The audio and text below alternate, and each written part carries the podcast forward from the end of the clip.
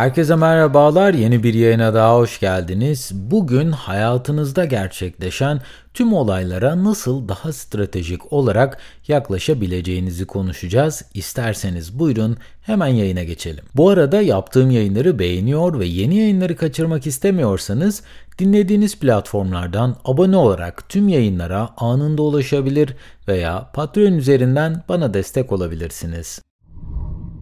Stratejik düşünme pek çok insanın hayatında uygulayamadığı bir yaklaşımdır.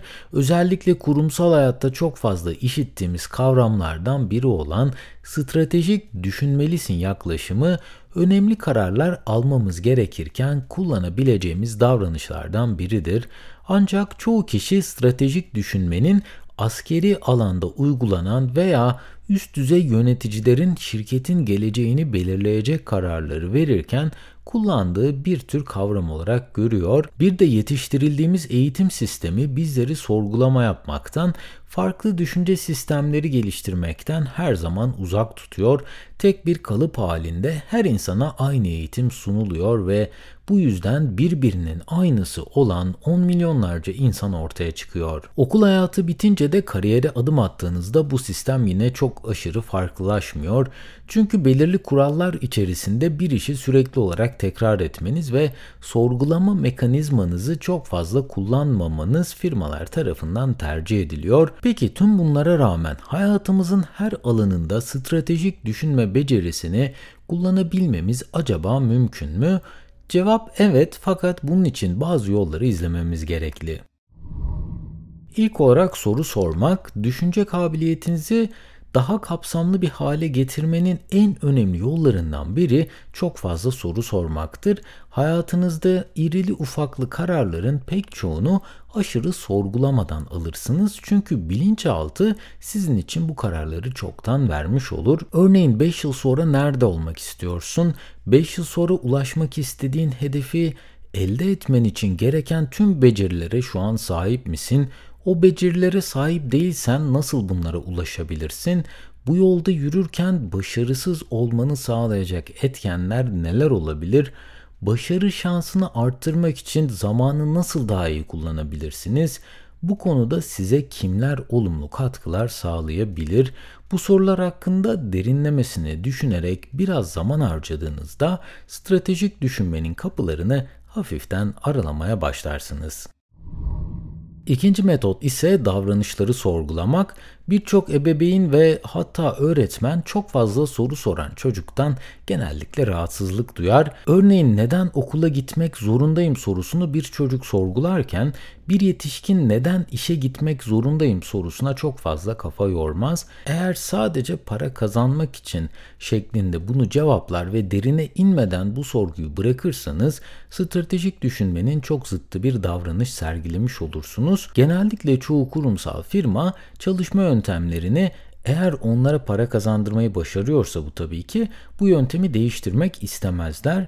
Bu yüzdendir ki çalışanlarına kendi oluşturdukları kurallar çevresinde bir takım işler yaptırırlar. Bu sisteme alışan çalışanlar da yeni ve yaratıcı yollar denemeyi açıkçası çok tercih etmezler. Çünkü kendilerinden istenilenleri aynen istenildiği gibi yerine getirir ve ayın sonunda maaşlarını alırlar. Halbuki yıllardır devam eden bu işleyişin içerisinde sorunları daha hızlı çözebilecek yöntemler var olabilir.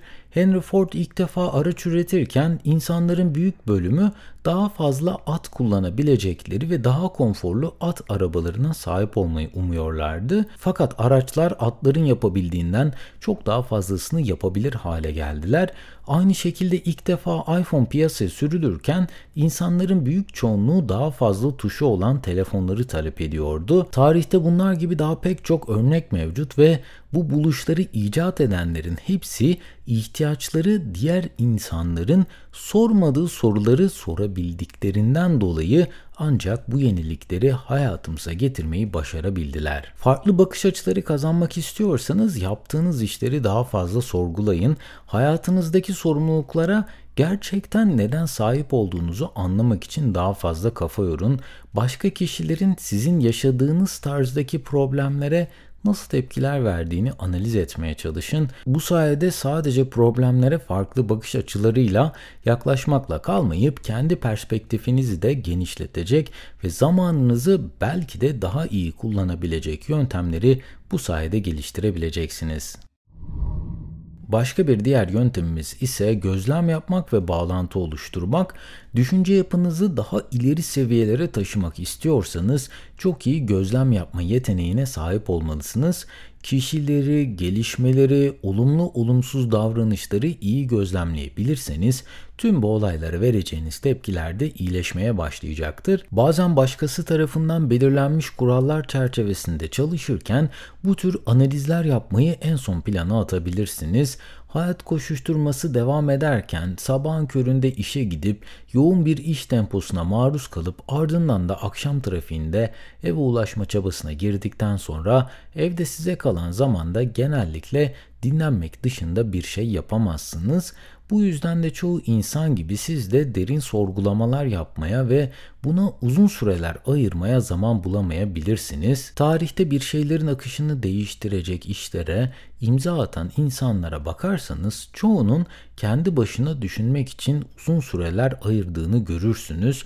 Steve Jobs'ın bir süre tüm işlere ara verip Hindistan'a gitmesi, Nike'ın dizayn ekibinin dünyanın farklı köşelerine gidip yeni gözlemler yapması, Newton'un ağacın altında saatlerce oturup hayatı sorgulaması onlara derinlemesine gözlem yapacak ve bu gözlemler arasında bağlantılar kuracak zamanları tanıdı. Hayatta kalabilmek için çalışmak hatta uzun mesailer yapıp daha fazla iş üretebilmek yanlış değil ancak kendisine zaman ayırmayı başaramayan her insan ne yazık ki sistemin kendisi için tasarladığı hayatın dışına kolay kolay çıkamayacaktır.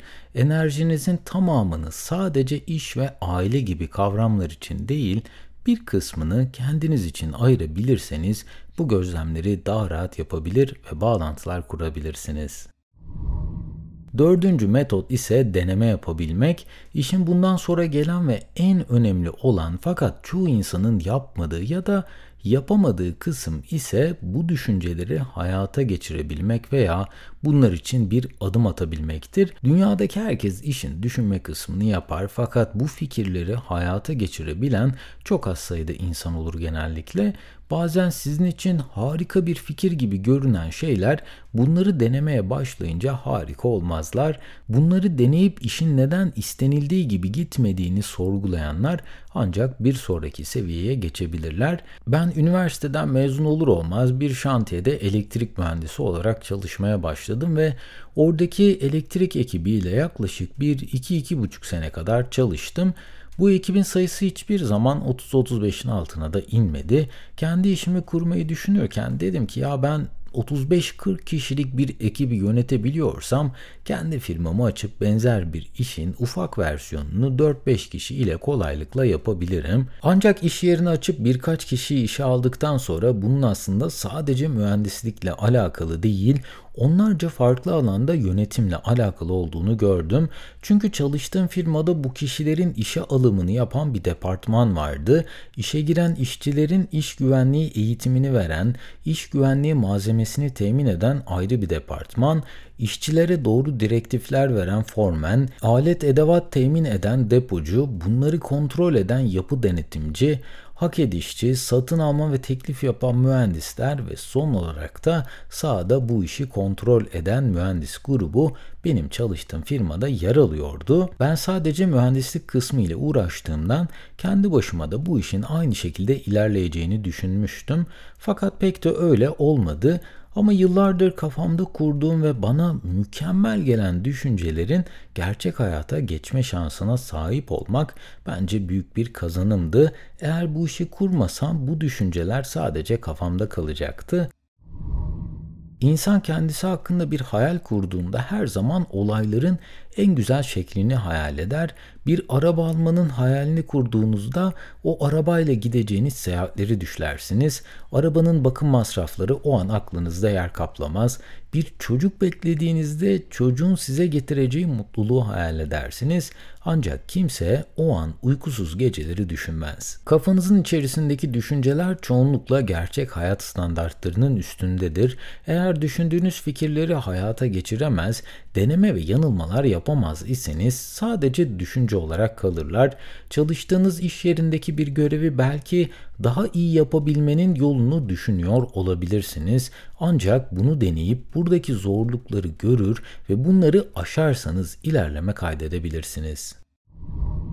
Ve son olarak geri dönüş alabilmek, eğer düşüncelerinizi hayata geçirebilmeyi başardıysanız bundan sonraki kısımda da size yarar sağlayacak geri dönüşler almak geliyor. Çevrenizdeki kişilerden sizi geliştirebilecek geri dönüşler alırsanız bu büyük sorunlar gelmeden bunların önünü kesebilmenizi sağlar. Bazen üzerinde çalıştığınız işe çok yakından odaklanırsanız sorunların farkına varamayabilirsiniz.